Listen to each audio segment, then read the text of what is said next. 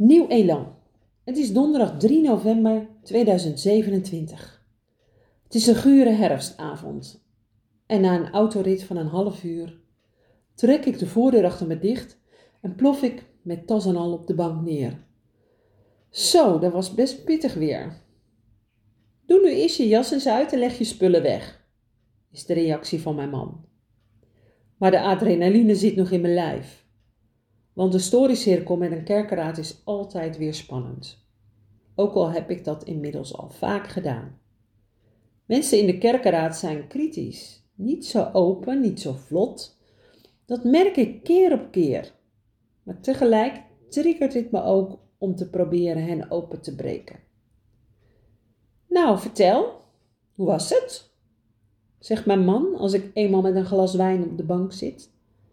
Ja, weer gaaf, antwoord ik.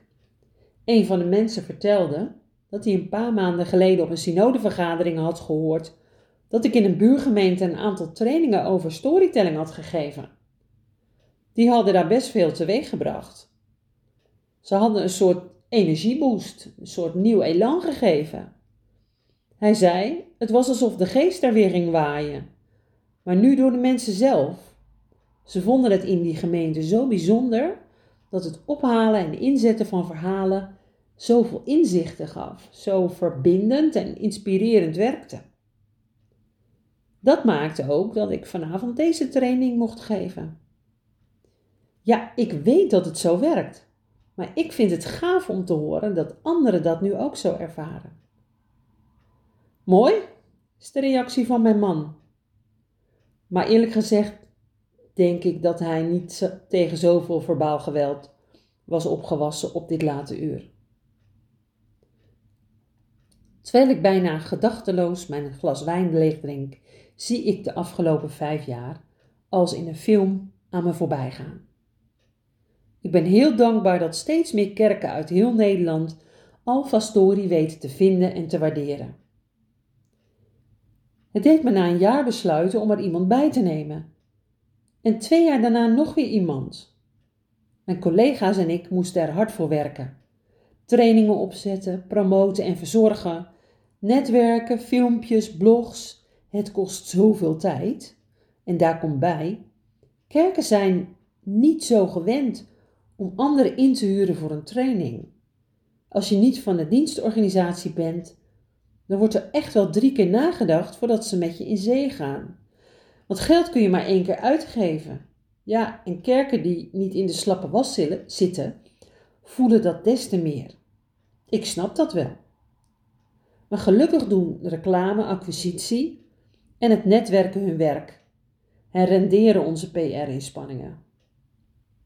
En de reviews op social media zijn positief.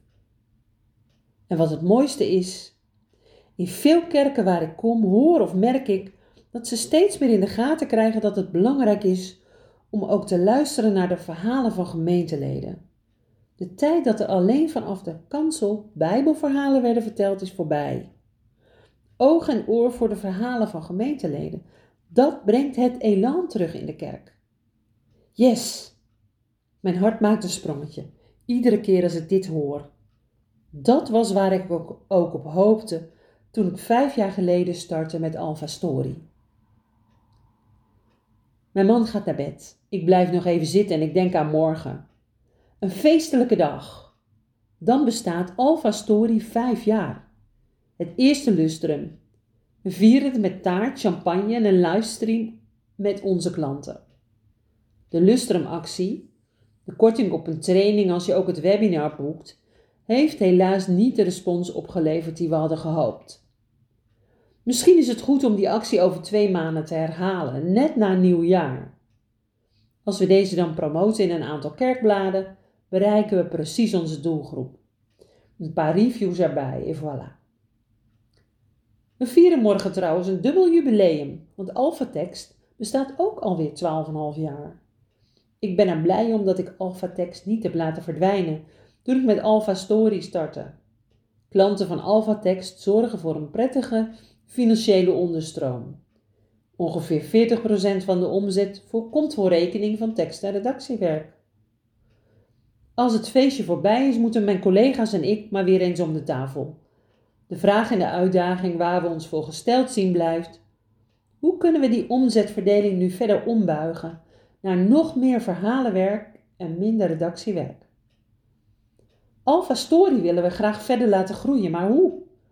Na vijf jaar is het tijd voor een nieuwe stap. Nieuwe diensten, nieuwe trainingen. Klanten die tevreden zijn, komen terug. Zo werkt het gelukkig ook bij ons. En hun kun je niet steeds dezelfde menukaart voorschotelen. Het moet toch iedere keer een beetje anders en aantrekkelijker. En ja, verandering van spijs doet eten, ook in de kerk. Met dat beeld in mijn hoofd doe ik het licht in de woonkamer uit en ga ik naar boven.